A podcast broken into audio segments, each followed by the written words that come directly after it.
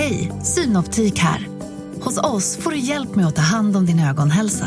Med vår synundersökning kan vi upptäcka både synförändringar och tecken på vanliga ögonsjukdomar. Boka tid på synoptik.se.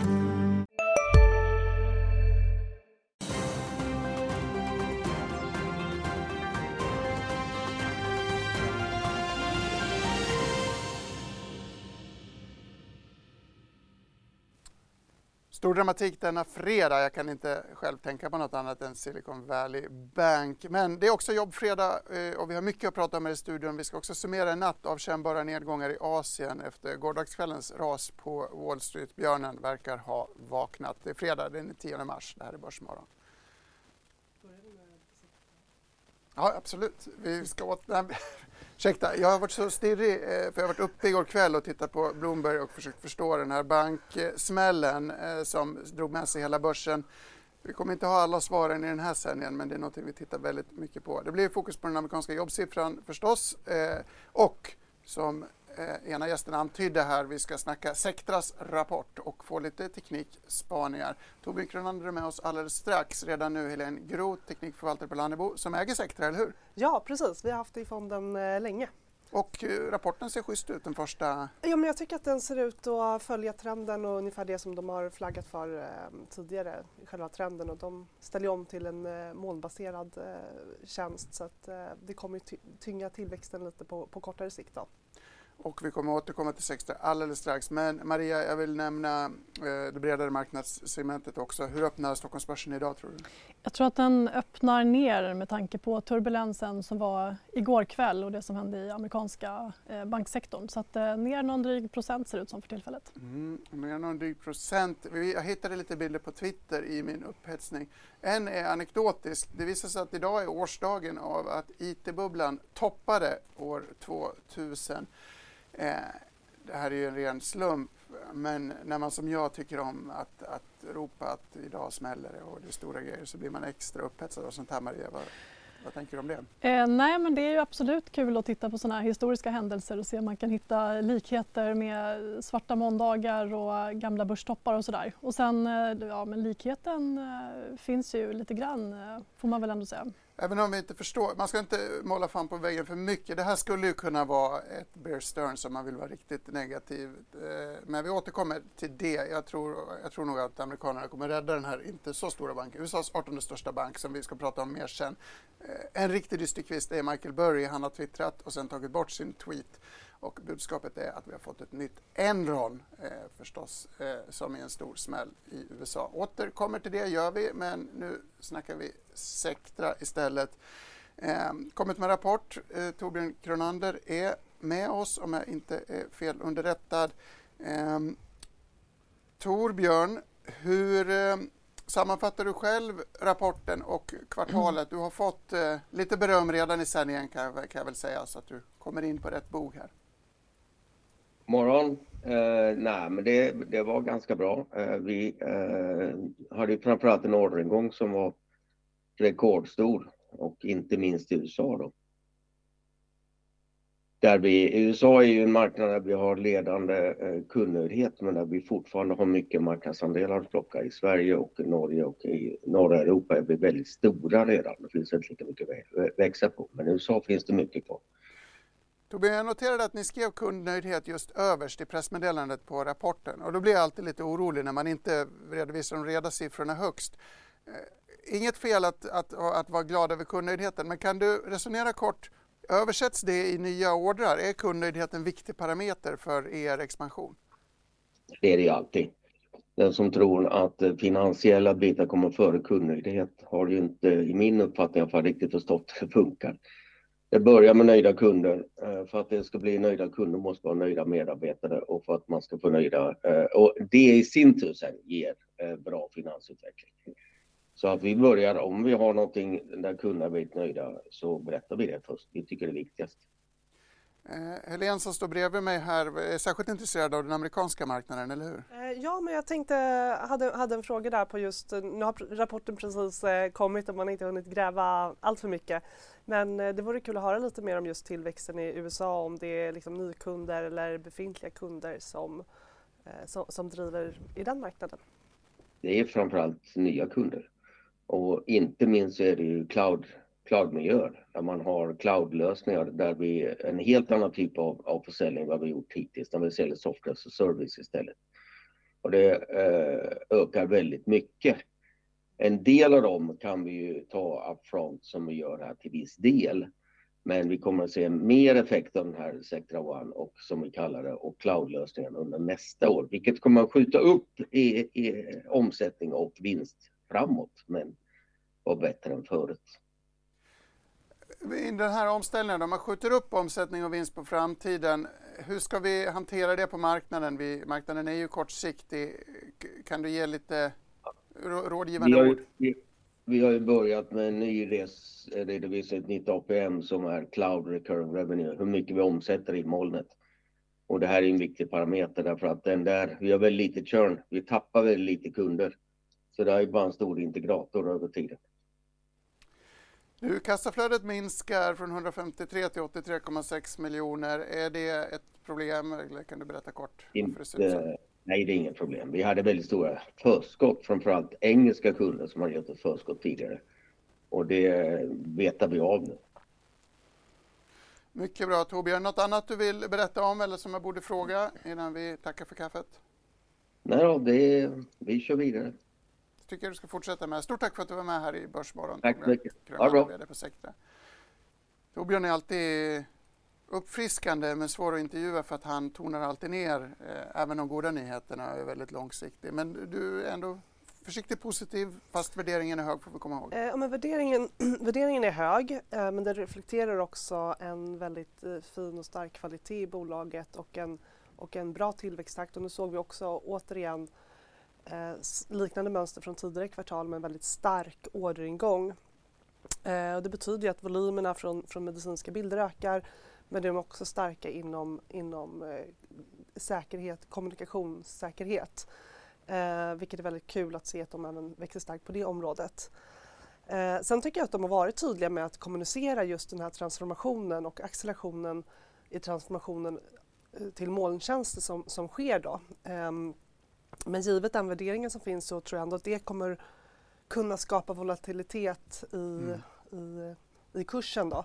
Eh, men, men på lång sikt så, så ser jag fortsatt väldigt positivt på, på, på sektorn. Men lite turbulens eh, ligger i, i, i, i möjligheterna och turbulens har vi ju i den bredare börsutvecklingen också Maria. Dels har ju babblat om den här banken, men vi har ju ett ganska oroligt ränte, en räntedriven oro underliggande på marknaden redan innan. Ja, men det har vi ju. Och, eh, det har ju hänt ganska mycket på räntemarknaden igen. Alltså hela fjolåret kännetecknades ju av stigande förväntningar på hur mycket centralbankerna eh, till slut skulle tvingas höja räntorna för att dämpa inflationen. Och eh, tittar vi på hur det sett ut nu i år så har vi haft liksom, samma trend med stigande förväntningar på hur, hur höga räntorna kommer bli. Så att, eh, mycket volatilitet på, på räntemarknaden. Och, eh, den här bilden som vi ser nu då, den visar ju utvecklingen sedan början på 2020. Så att vi har stora börsraser i början av pandemin och sen så ser vi då ECB och Feds balansräkning i ljusblått. Och det här vet vi ju, precis när de började köpas så gick börsen upp. Men man kan ju se väldigt tydligt här tycker jag vilket otroligt stöd marknaden har fått av att veta att centralbankerna har funnits där. Dels med nollräntor men också med det här ständiga flödet av likviditet. Alltså volatiliteten var ju nästan noll och ingenting om man tittar på hur det såg ut under 2021. Väldigt, väldigt stark uppgång och eh, väntade man på nedgång på 5 för att köpa dippen då fick man inte det. Så det föll inte så mycket ens en gång på ett globalt index. Men sen vid årsskiftet så drog man ju undan den här snuttefilten från marknaden, började prata räntehöjningar, nedtrappade balansräkningar och resultatet ser vi ju. Det är hög, hög volatilitet. Sen på aktiemarknaden så har den kommit ner. Så eh, om vi bortser från igår kväll så har vi haft en, en volatilitet som legat under 20 på aktiemarknaden mm. samtidigt som den är hög, historiskt hög fortfarande på räntemarknaden. Och min, min spaning igår när jag skickade över de här bilderna var lite grann vad ger med sig först? Men eh, det fick vi se igår, hur det studsade upp eh, på handeln i, i USA. Då. Det är en klassiker. Räntemarknaden ser problem som börsen inte ser ja. och så har man ett krokodilgrap och mm. nu verkar det som att, att det stängs neråt. Teknikförvaltaren i rummet eh, har ju drabbats av det här förra året men ändå liksom gått väldigt starkt i år kan man Absolut, säga. så har det varit. Och, eh, det är tydligt att det är inflationsoron och ränteoron som har styrt, styrt och eh, vi har sett en liksom, liten comeback för, för, för tillväxtaktier mm. efter ett svagt förra år. Eh, men det är väldigt tydligt att det, det, är det som styr. Vi lägger nästa bild. Maria hade med sig tre bilder. Här ser vi marknadsförväntningar på centralbankerna förstås. Mm. Och här har vi ju då till vänster den förväntade räntebanan som ju har höjts kraftigt på kort tid. Och det stora skiftet är ju förutom då att slutpunkten för räntan som vi ser till höger har skiftats upp är ju att man inte längre väntar sig någon, någon räntesänkning direkt innan årsskiftet utan att räntorna de ska upp. De kommer fortsätta upp under första halvåret, eh, kanske drygt det till och med och sen så väntas sänkningar till nästa år. Så att, eh, ganska stort skifte ändå som förvånansvärt nog inte spilt över i någon högre utsträckning på börsen och inte heller påverkat tillväxtsegmenten på samma sätt som det gjorde under fjolåret. Eftersom man har trott att efter regn så kommer sol i bemärkelsen att visst de höjer lite men vi är snart tillbaka i mm. samma gamla atmosfär och vi kan övervintra det. Ja, och sen är det också då att det här starkare makron som vi har sett med starka arbetsmarknader. Eh, man ser hur industri-PMI har vänt upp från ganska låga nivåer men orderingången tog i fart redan under hösten. Tjänstesektorn är fortsatt stark och det är ju ett stöd åt vinsterna. Så att här och nu så blir det mer stöd för börsen därför att, att vinsterna får stöd. Eh, men på sikt ökar ju riskerna ju längre det här pågår och ju mer centralbankerna höjer. Det känns som att det förändrades lite tidigare i veckan när Powell hade sitt eh, första anförande i ja. den amerikanska kongressen. Då, slog, då, då, då sjönk det in hos börsen? Då sjönk det in. Det gjorde ju inte det under fjolåret. Powell har ju under ett antal månader försökt guida för att räntan ska upp över 5% men marknaden trodde ju egentligen inte på det förrän för en, en dryg månad sedan. Eh, och då har man börjat prisa in till och med en högre räntetopp än vad Fed har i sina, eh, sin dotplot. Men vi får en uppdaterad sån nu här om, ett, om två veckor mm. så får vi se vad man gör då. Men eh, enligt Powell så ser det ut som att man kommer skifta upp den där ännu en gång och marknaden börjar prisa att räntan ska ligga mellan 5,5 och 6 procent någonstans innan det är klart. Vi hade en bild kvar va? som visar det här krokodilgapet lite grann som du Precis, var inne på. exakt och där har vi krokodilgapet. Upp med volatiliteten på räntemarknaden, ner med volatiliteten på aktiemarknaden. Men som sagt, hade vi då uppdaterat den här per i morse så hade vi sett hur volatiliteten tog ett ganska kraftigt skutt uppåt. Och det är möjligt att innan vi vet hur det här spelar ut, det som händer, vi får några spridningseffekter, är det fler som har problem så kan det mycket väl vara så att eh, volatiliteten på marknaden blir lite högre. Hur är det att förvalta en teknikfond när, när allting blir så makrodrivet? Du kan ju göra en fantastisk analys av intressanta bolag och så mm. kommer det någon Fed-oro och spolar undan värderingarna. Man får någonstans fokusera på bolagen och fokusera på att göra den analysen och hitta, hitta bra bolag. Eh, sen kommer det alltid vara makro och andra parametrar som, som påverkar och det får man försöka förhålla sig till. Men grunden är ändå att hitta bra bolag som har en liksom bra möjlighet att fortsätta växa eh, och eh, förbättra sina, sin lönsamhet. Den här banken, jag ska prata lite mer om banken efter börsöppningen klockan nio, men det är ju en väldigt Silicon Valley, den heter Silicon Valley Bank, har riktat sig mot VC-firmor och startups om jag förstår det rätt. Mm. Har du mm. någon tech-reflektion kring det som har hänt? Um, ja, men först kan man väl säga generellt då att uh, problem i banker historiskt har kunnat leda till omfattande problem um, om det vill sig illa så att säga. Uh, sen får vi väl se lite hur, hur det går här då. Men, uh, men, men jag tycker ändå så här vid första anblick ser det ut så att främst vara ett problem för mindre och ofta onoterade techbolag. Uh, och att investera i onoterade techbolag Ja, men man ska väl vara vaksam på spridningseffekter. Mm. Um, och det är inga dramatiska reaktioner i, i kursreaktioner i techbolagen så marknadsbedömning hittills eh, verkar vara att det inte är någon katastrof men att det är viktigt att, följa och se. Sak, det betyder inte att det inte är så imorgon. Nej, nej, nej det kan förändras snabbt. Vi ska yes. återkomma till ämnet. Som sagt. Jag vill nämna ett par andra banknyheter. Eh, mer positivt läser jag det som att Swedbank gör en reservering på 40 miljoner kronor för en potentiell uppgörelse med amerikanska OFAC avseende historiska brister. 40 miljoner låter i mina ögon som ingenting i det här sammanhanget. Dometics vd köper aktier. Juan eh, ägde mycket aktier förut, nu äger han ännu fler. CV har minskat till Tito euro och eh, Svensk detaljhandelsförsäljning väntas öka med 2% 2023 och 1% 2024 vilket är en dyster utveckling enligt HUIs nya konjunkturprognos. Eh, med det så har klockan slagit nio. Det är dags för att kolla in. Jag bävar nästan för att gå till Studio 2. Vi kommer ju få se eh, nedgångar. Anna Stjernquist står redo för skärmen för att berätta hur stora de blir.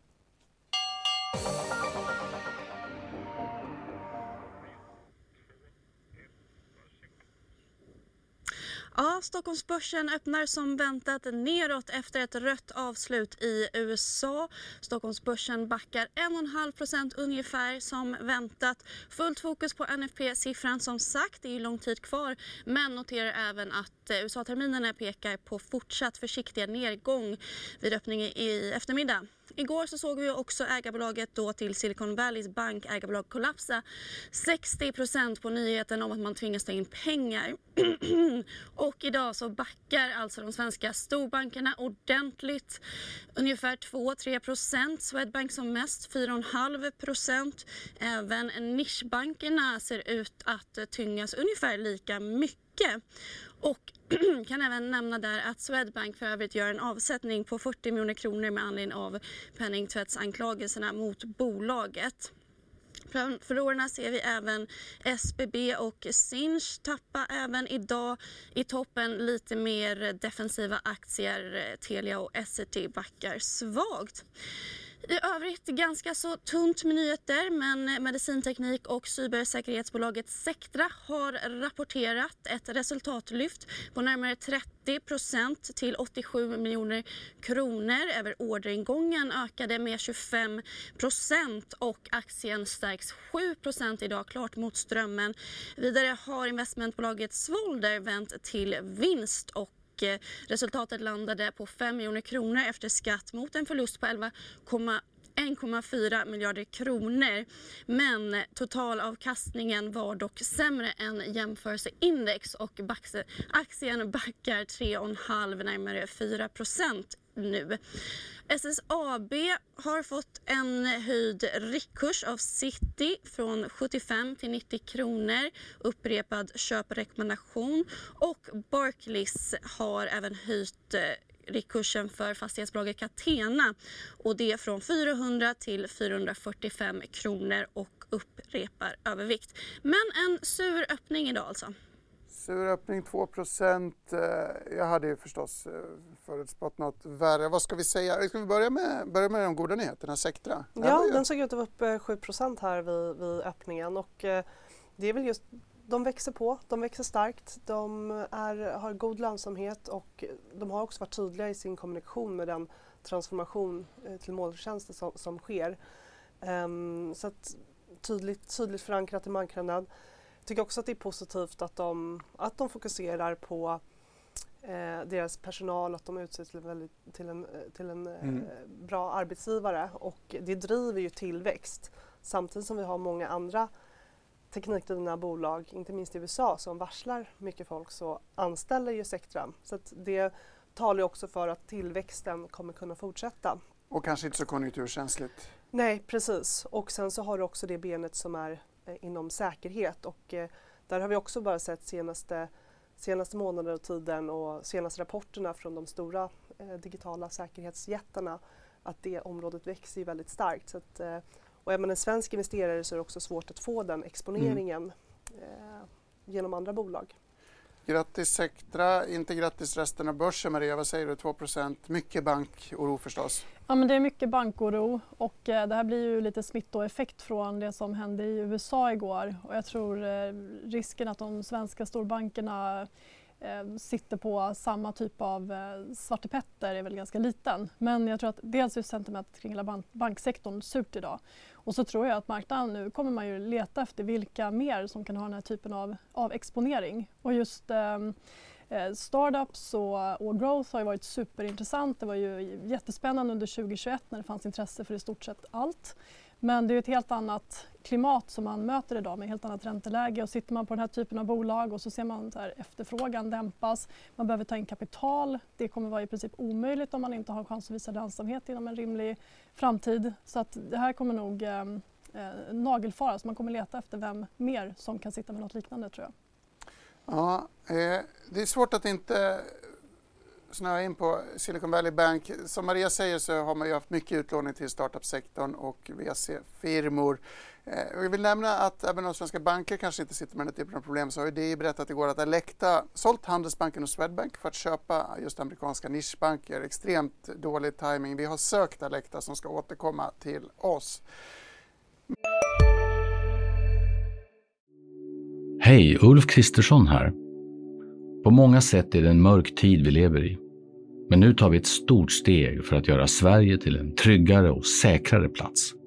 Sverige är nu medlem i Nato. En för alla, alla för en. Har du också valt att bli egen? Då är det viktigt att skaffa en bra företagsförsäkring. Hos oss är alla småföretag stora och inga frågor för små. Swedeas företagsförsäkring är anpassad för mindre företag och täcker även sånt som din hemförsäkring inte täcker. Gå in på swedea.se företag och jämför själv. Mina källor när jag frågar runt oroar sig för två saker primärt. Den ena är ett bankrun då VC-firmor tydligen, tre, tre person, eller tre VC-firmor tror jag att eh, Andreas Sten Larsson skrev på sin researchfirma har uppmanat sina kunder att ta ut tillgångar.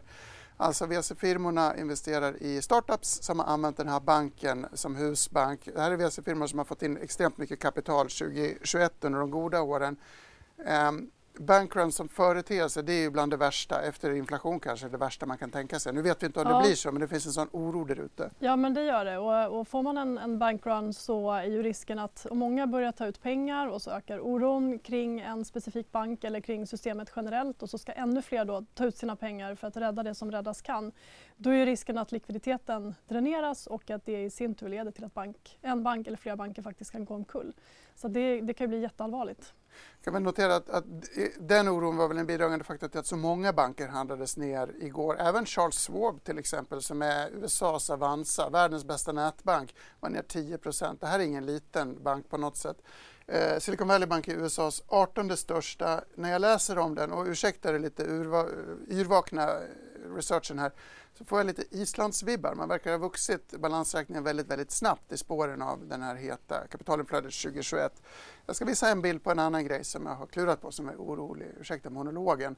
Den kommer från Makro Alf, som vi, den här kommer från Sten och Larsen som visar hur mycket banksektorn drogs ner igår.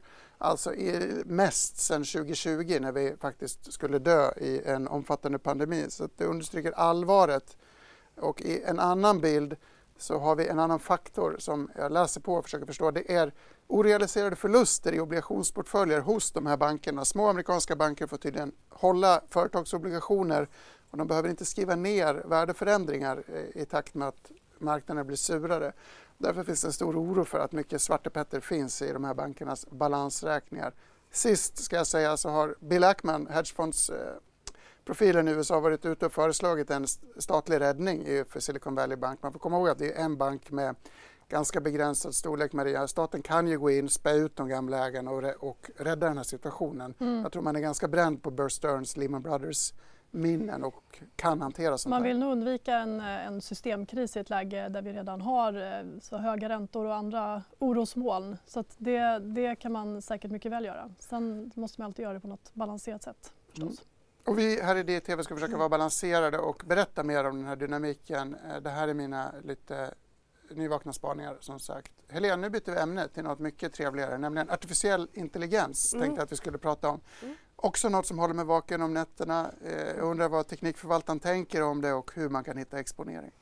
Eh, ja, alltså det är väldigt tydligt att eh, alla, i princip alla bolag pratar om, om det här nu och har en en tydlig AI-strategi också. Jag träffar ju mycket bolag globalt och eh, det är tydligt att fokus har skiftat mot det. Också för att de stora techjättarna har gått, gått i bräschen. Då. Och någonstans här, det, det, händer, det händer ju på riktigt. Även om det då, om vi tar Microsoft som exempel då, så är det ju fortfarande en, en väldigt liten del. Men, men på sikt så kan det här såklart vara en, en tillväxtmotor. Um, det tenderar också att bli en hype. Ja, jag tänkte faktiskt ja. säga det. Eh, vet man ens vad man ska göra med den här AI i alla bolagen? Nej, men med? det vet man ju inte riktigt än utan det är ju väldigt tidigt. Men eh, alla är överens om att riktningen eh, är, det är väldigt tydligt att AI är någonting som kom, kommer vara en, en viktig del för framtiden men, men många famlar vi fortfarande för att hitta ett sätt. Det handlar ju liksom om effektivisering och optimering i grund och botten. Och eh, jag kan ibland tycka att det känns lite just framkrystat att, att, eh, att hypa upp AI så mycket. Mm. Vi har ju många aktier som har gått väldigt starkt på grund av det. Till exempel Nvidia i, i USA eh, är också ett bolag som har gått väldigt starkt um, och de har ju stora datacenter som kommer gynnas utav, av det här till exempel. Um, Alphabet har ju också fått väldigt stora slag åt båda håll eh, på grund av AI och det är väldigt stor, stora värden. Jag tror någon dag var aktien ner 7% på en nyhet kring, kring AI.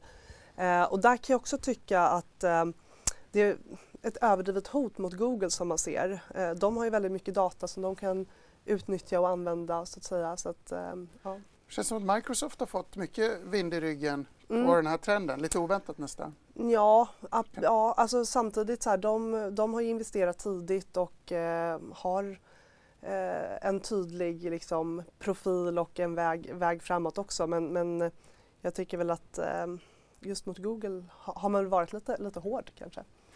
Um, lite hård. Nvidia då, tycker du att det är en rimlig, ett rimligt bett? Det finns väl mycket annat än AI-exponering i den här Ja jätten? precis, du har ju liksom spel, spelexponering och den, den, var ju, den gick ner väldigt mycket uh, i fjol. Uh, så den har ju sett en, en återhämtning, jag tror att den är uppe uh, ungefär 60 procent ungefär i år. Något sånt där, till stor del drivet då utav, utav AI. Och eh, det är klart att det ligger en del förväntningar i det men de kommer säkert ha en bra position just när det kommer till, till datacenter och den, den biten. Ehm. Mm, spännande tycker jag. Eh, jag vill gå tillbaka till Studio 2. Eh, jag är lite nyfiken på hur bankaktierna utvecklas i, i Sverige. Vi såg ju nedställ på, på ganska bred front i, i den allra tidigaste handlingarna, eh, handeln så här en kvart in på den nya handelsdagen. Hur klarar sig våra banker, Anna?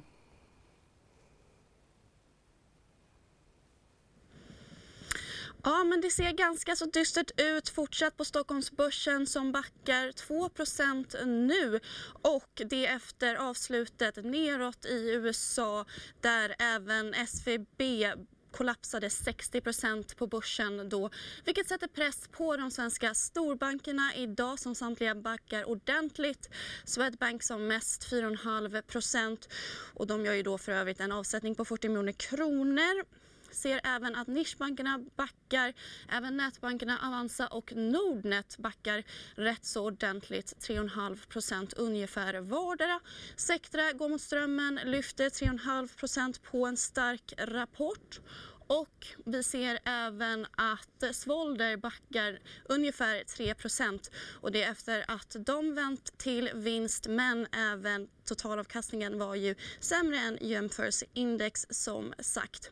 Och System Air kan vi nämna har fått en höjd rekommendation till köp av DNB från tidigare behåll. Men det är fortsatt dystra toner överlag, alltså Stockholmsbörsen är ner 2 men i linje Maria med det vi såg i den tidiga handeln så vi har ingen, det här är ingen urspårning riktigt i alla fall, även om det är en tung börsdag. Ja men det är en tung börsdag men nej det är ingen urspårning. Och vi har ju också haft en, en börs som har gått ganska starkt sedan botten i eh, september-oktober där. Stockholmsbörsen till exempel var ju uppe 28 procent och sånt där. Nu var det väl 24-25 kanske innan det här. Eh, men det, det är fortfarande så att med tanke på det så är det klart att det kommer bakslag förr eller senare. Eh, det hör till eh, det naturliga. Bakslag har också varit för krypto, har vi inte pratat om. Krypto sögs ju ner i det allmänt sura marknadsklimatet på Wall Street igår. Bitcoin var ner 8,6 procent när ingenting i bitcoins värld. Men vi har ju faktiskt ett bank eller ett haveri där också i form av Silvergate som skapar en särskild kryptooro. Vi hade besök igår av Martin Byström som är finanschef på Trio som förklarade den kraschen i Börskoll. Jag tänkte vi ska titta på en liten repris för att följa den marknaden. Så här så Man säger så här, det som hände med Silvergate var ju att det var ju en av de få bankerna i USA som tillät kryptokunder att använda eh, deras tjänster. Och det blev att de fick väldigt många insättningar som de i sin tur behövde placera. Eh, och de placerade ju det för det mesta i eh, statsobligationer till exempel med, med lång löptid. Och i takt nu då med att centralbanken, eh, den amerikanska centralbanken höjde räntorna så blir ju värdet på de obligationerna, de gick ju ner väldigt mycket. Och när FTX-kraschen hände i, under hösten här, så var det väldigt många som ville ta ut sina pengar från olika kryptobörser. Och då blev det väldigt svårt för eh, Silvergate att eh, kunna betala ut de pengarna för de gjorde en så pass stor förlust. Det pratas om eh, 700 miljoner dollar till exempel som är puts väck då från bolagets balansräkning. Att krypto svänger mycket, Maria, det är vi ju ganska vana vid. Jag reagerar på att en återkommande faktor verkar vara obligationsportföljen i de här bankerna. Det är inte, vi är inte mm. vana vid att amerikanska statspapper är så volatila som de kanske har varit det senaste året. Nej, det är vi inte. Och eh, de här kursförlusterna som man kan ha fått på amerikanska bankpapper har varit betydande till följd av ränteuppgången som dessutom inte ser ut att vara klar än. Utan ett antal gånger så har man väl trott att räntetoppen varit nära och sen har det inte varit så så att den utvecklingen har fortsatt. Så det är klart att det blir stökigt då. Sen, Eh, volatiliteten i, i krypto är ju jättehög. Eh, nu har ju krypto kommit upp en del från när det var som mest pressat under hösten. Men det har ju liksom följt marknadssentimentet eh, ganska mycket ändå. När det ser bättre ut på börsen så har krypto hämtat sig också. Och, eh, man kan väl också konstatera att eh, bitcoin till exempel har inte varit någon, någon perfekt eh, inflationshedge det senaste året heller som, eh, som man kanske kunde eh, ha hoppats då eller som vissa kanske har trott. Har du mycket krypto i dina techportföljer? Nej, det finns inte särskilt mycket där skulle jag vilja påstå. Eh, men, samma, men har du någon reflektion när du ser kryptoimplosionen? Det, det känns ju som en avlägsen kusin till tech-hypen på något sätt ändå. Ja, jo men precis. Det var ju det, det är alltid sådär att pendeln svänger och man, det är alltid något på agendan så att säga som man pratar om. Men alltså egentligen inte. Um, det är klart att det, det finns väl någon lit, liten del sådär i något av våra bolag som, som har det men, men det är ingenting som vi är direkt investerade Och det tror jag att investerarna är mycket tacksamma för i det här läget. Vi kan prata om något som du faktiskt äger, eh, tänkte jag som ett litet case, nämligen Tobii Dynavox. Säger du Tobii eller Tobii? Eh, det där har också pendlat faktiskt, alltså Tobii eller Tobii. Tobii eh, verkar vara det riktiga. Ja, precis. Men det här eh, Tobii Dynavox, då, då känns det ändå bättre. Tobii, Tobii Dynavox. Ja, just det, Tobii I Dynavox. Ja. Men eh, precis, nej, men lite, på, lite på temat eh, också så medicinteknik och, och hälsa då, vi var inne lite på, på Sectra tidigare. Um, tycker ofta man glömmer bort uh, Tobii Dynavox uh, som gör kommunikationshjälpmedel och ögonstyrning för personer med kommunikationsutmaningar. Och uh, det här är bolag i sektorn som um, har en uh, betydligt lägre värdering och handlas på en rabatt mot andra medicinteknikbolag. Och, um, de har en hög organisk tillväxt och inte minst efter ökat behov av deras produkter efter pandemin. Eh, de har ett starkare produkterbjudande. Eh, de har satsat på försäljningsteamet och eh, ökad offentlig finansiering. Ehm, Nordamerika är en stor tillväxtmotor för, för bolaget. Ehm, de har lyckats få igenom prishöjningar och ehm, marknaden är enorm. Jag, jag tänkte säga tvärtom. Ja. Jag uppfattar som att Tobii, eh, förlåt, vanliga Tobii ja. säljer till dataspel och VR, headsets och allting och det är enormt. Men den här ögonstyrning i sjukvårdssammanhang är en ganska nischad gren. Men det är klart. Ja, men, men alltså, marknaden är enorm men andelen som använder hjälpmedel är minimal. Och eh, här pågår ju ett eh, liksom eh, Eh, ja, men, eh, ett arbete för att också öka kunskapen. Och vi ser att det går, det går ju sakta men säkert men marknaden och behovet är enormt. Men tyvärr så är det alldeles för få som får den hjälp som man, som man kan få. Eh, så det är ett väldigt spännande bolag som verkligen kan underlätta för, för personer. Och eh, tittar man då på, på aktien och på, och på bolaget så tycker att värderingen känns uh, attraktiv och att um, det, inte, det inte riktigt speglar den, den uh, möjligheten som, som finns. Äger du båda Tobii-bolagen? Nej, Nej, bara Dynavox. Bara Dynavox. Mm. Uh, ja, och intressant. Det här låter ju i båda casen kan man ju tycka, om man är orolig som jag för konjunktur och liksom vad som mm. händer där ute, låter det ju skönt att ha hälsovårdsrelaterade eller säkerhetsrelaterade mm. strukturella trender. Absolut. Absolut. Hörrni, tillbaka till konjunkturoro dock eftersom det är jobbfredag. Eh, vi ska få en eh, non-farms payroll-siffra lite försenad. Den brukar komma första fredagen i månaden. jag har lärt mig någonting om att om februari är kort, så, eller vilket, februari brukar ju vara kort, så får man vänta en veck, vecka extra. Mer spännande än någonsin ändå, Maria. Ja, men det måste man ändå säga. Det är ju nära nästa Fed-besked så det här är ju tillsammans med nästa veckas inflationssiffra det sista som Fed får att ta ställning till inför nästa räntebesked. Och eh, man ser ju nu hur marknaden letar efter med liksom ljus och lykta efter vad det är som händer på den amerikanska arbetsmarknaden. Är den så här urstark som det såg ut i januari eller kan man kanske hoppas att den siffran var en blipp, att det kommer eh, revideras ner lite grann. Eh, vi fick över en halv miljon nyskapade jobb då. Nu väntas ungefär hälften. Och man har pratat om allt från säsongseffekter till att det var varmt så byggbranschen till exempel började då rekrytera eh, tidigare än normalt. Men, men vi får se, men det är ett oerhört fokus på det här och det kommer också vara fokus på löneökningarna. Och löneökningarna väntas ju accelerera igen till 4,7 procent i, i årstakt. Och ju högre de blir desto mer oroande är det ju för då har folk råd att betala mer fortsatt och då ger det bränsle åt inflationen. En riktig rökare, 517 000 nya jobb som vi ser där i högraste stapeln. Om det repeteras lär det bli ännu mer ränteoro förstås. Då ska vi nog vänta oss att det blir stökigt i eftermiddag tror jag.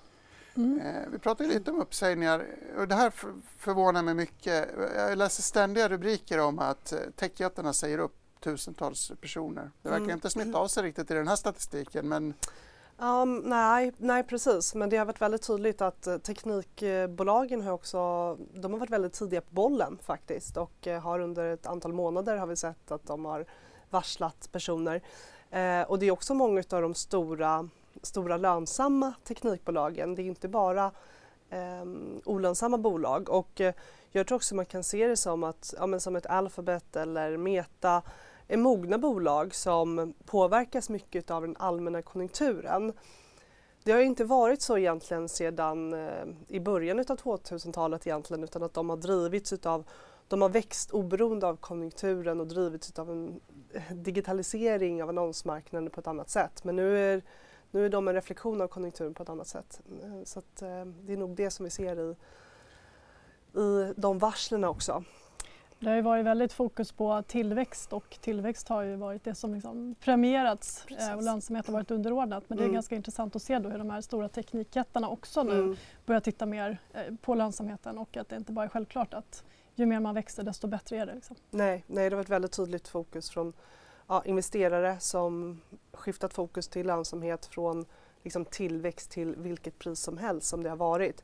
Så att, eh, jag tycker att det är sunt att man tar in det risktänket och lönsamhetsfokuset på ett annat sätt. Eh, absolut än vad man haft tidigare. Så att, eh, det blir också en, en självklarhet när, när räntan går upp att det går inte att, eh, att ha den tillväxttakten och investera på samma sätt som man har, har gjort. Då. Det låter ju som en ganska välkommen tillnyktring egentligen, särskilt som det inte ska, verkar skapa arbetslöshet på bred front i USA. Det skapar liksom inte ett makroproblem och du får en lite sundare hållning i många techbolag som kanske har varit lite för heta man får väl se, det är också ganska tidigt liksom, på något sätt och, och se vad det får för liksom, konsekvenser på, på, på sikt. Då. Men, eh, mm. Ja, de här stora teknikbolagen, det, det, skrivs ju mycket om när de säger upp folk men samtidigt så står de för en ganska liten del av den amerikanska sysselsättningen. Så mm. det är ju mer man tittar på små och midcap-bolag som, som står för det stora. Så att vi får kolla vad som händer där på lite sikt. Men det är väl mm. rimligt att vänta sig att det kommer få konsekvenser där med så småningom. Precis. Och just att teknikbolagen då har varit ganska tidiga ja. på bollen. Liksom. Mm. Jag har en bild kvar som visar just sviten av starka överraskningar. Den här tog jag från Bespoke. Alltså att man har fått så många eh, bättre än väntade rapporter på den här amerikanska jobbsiffran. Det är ju alla makrosiffrors urmoder brukar vi säga. Tio på raken har varit starkare än väntat och den senare, senaste var ju riktigt, riktigt, riktigt starkt. Något man ofta hör är ju att det var så svårt att anställa under pandemin. Man har kämpat så mycket för att få den personal man har Maria och nu mm. vill man väldigt ogärna släppa anställa även om det börjar se lite, lite, lite, lite sämre ut. Jag undrar om det kan leda till någon slags catch-up-effekt, att när det väl släpper så släpper man folk? Ja, men det är möjligt att det blir någon slags här kapitulation till slut om man ser att efterfrågan verkligen försvagas. Men det är väl det man inte riktigt sett heller än så länge. Utan som sagt, det har varit rätt bra fart i Eh, i tjänstesektorn och, och, även industrin har hållit uppe ganska bra. Så att jag tror att man behöver se tydligare tecken på en mer varaktig konjunkturförsvagning eh, för att man ska börja dra den slutsatsen. Men än så länge är det som sagt det är, det är bra tryck i ekonomin fortfarande och det gör ju att man kan fortsätta behålla personal och leva på det så länge det går. Och sen tror jag också att den här förhoppningen om att vi ska få en, en mjuklandning eller att det ska tuffa på, det gör ju också att man, man hellre vill så att säga, vara med i den och inte dra i handbromsen för tidigt. Men risken är att går vi rätt vad det är liksom in i någon slags vägg där man verkligen ser tydligt att nej, men det här det kommer inte funka, vi står inför en recession, så kommer ju många agera samtidigt. Vi får se hur det blir med det. Det blir spännande att se siffran eh, i eftermiddag. Vi kommer förstås att prata mer om det här i Börskoll klockan 14. Missa inte det. Då ska vi också försöka ha lite ytterligare fördjupningar i den amerikanska bankoron. Börskoll klockan 14, jobbsiffran strax därefter och sen förhoppningsvis en trevlig helg. Detsamma önskar vi här i studion. Tack för att ni tittat. Häng med oss även fortsatt. Ha det gott!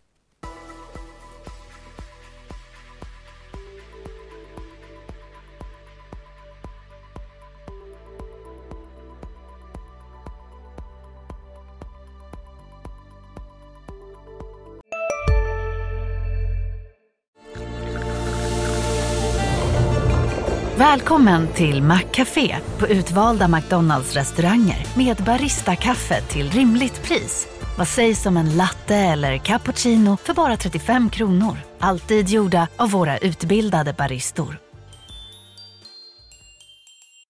En nyhet. Nu kan du teckna livförsäkring hos Trygg-Hansa. Den ger dina nära ersättning som kan användas på det sätt som hjälper bäst. En försäkring för dig och till de som älskar dig. Läs mer och teckna på trygghansa.se. Trygg Hansa, trygghet för livet.